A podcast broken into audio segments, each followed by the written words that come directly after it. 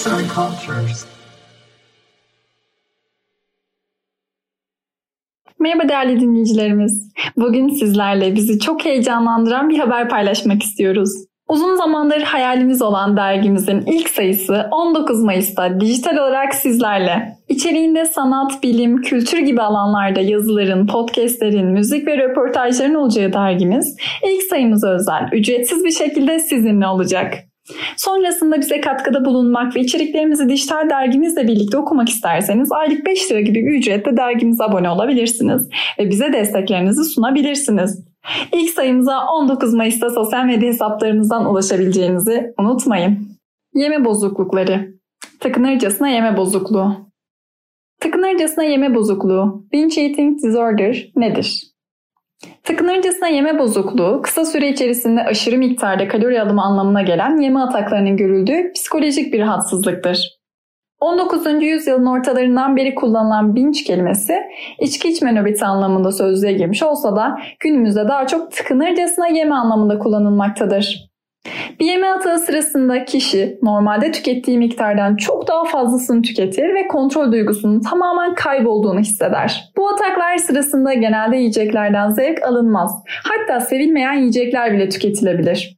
Canları acıyana kadar yemeye devam eden hastalar yedikleri miktardan utandıkları için yeme ataklarını gizli gerçekleştirirler. Bulimia nervosa'da olduğu gibi yeme atakları sonrasında pişmanlık, kendinden tiksinme, suçluluk duyma gibi derin depresif duygular deneyimlenir. Ancak bulimia nervosa ve anoreksiyon nervosa'dan farklı olarak yeme atakları sonrası telafi edici davranışlar görülmez. Kişi yediklerini kusma, diüretik ilaçlar kullanma ya da egzersiz yoluyla telafi etmeye çalışmaz. Yeme atakları kişiden kişiye farklılık gösterebilir. Özel yeme atakları kişinin aşırı olarak tanımladığı fakat aslında ortalama miktarda yiyecek tükettiği atakları iken nesnel yeme atakları kişinin gerçekten aşırı sayılabilecek miktarda yiyecek tükettiği ataklardır. Her iki durumda da kişi yediği miktarı aşırı olarak tanımlar ve kontrol duygusunu yitirdiğinden bahseder. Sakınırcasına yeme davranışı kendine zarar vermenin amaçlandığı davranışlardan biri olarak görülmektedir. Peki tetikleyicileri nelerdir? Yemek yemenin hissedilen boşluk ve sıkıntı duygusunu azaltacağına olan inanç kişiyi yemeğe itebilir.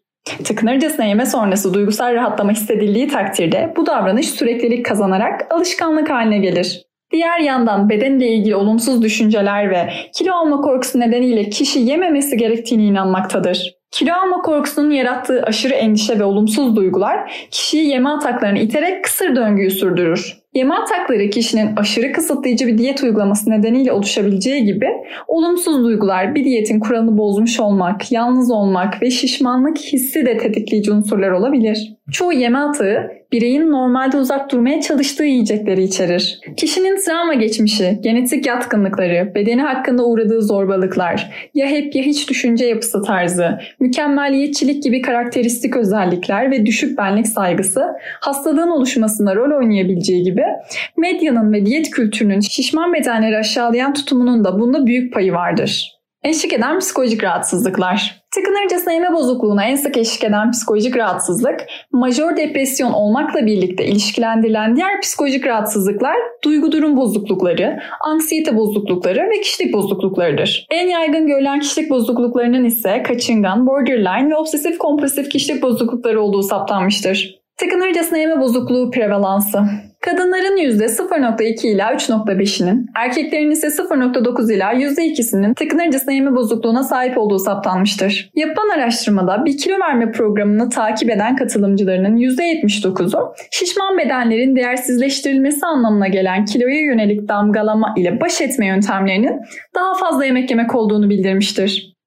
12-13 yaşındaki fazla kilolu kız çocuklarının %40'ı ve fazla kilolu erkek çocuklarının %37'si akranları veya aile üyeleri tarafından kiloları hakkında zorbalığa uğramaktadır. Kilo hakkında maruz kalınan zorbalığın kilo alımı, aşırı yeme ve aşırı kilo kontrol davranışlarını öngördüğü bilinmektedir. Bu davranışlar ise yeme bozukluklarına maalesef davetiye çıkarır. Buna kanıt olarak yetişkinlerle yapılan araştırma sonuçları örnek gösterilebilir. Heinz ve arkadaşlarının 2013 yılında yaptığı bir araştırmanın sonuçları, kiloya yönelik damgalamaya maruz kalan fazla kilolu ve obez yetişkinlerin daha sık yeme atakları deneyimlediğini, yeme bozuklukları için daha yüksek risk altında olduklarını ve tıkınırcasına yeme bozukluğu tanısı alma olasılıklarının daha yüksek olduğunu göstermiştir. Diğer yeme bozuklukları gibi tıkınırcasına yeme bozukluğu da yeterli emek ve zaman harcandığı takdirde tedavi edilebilir.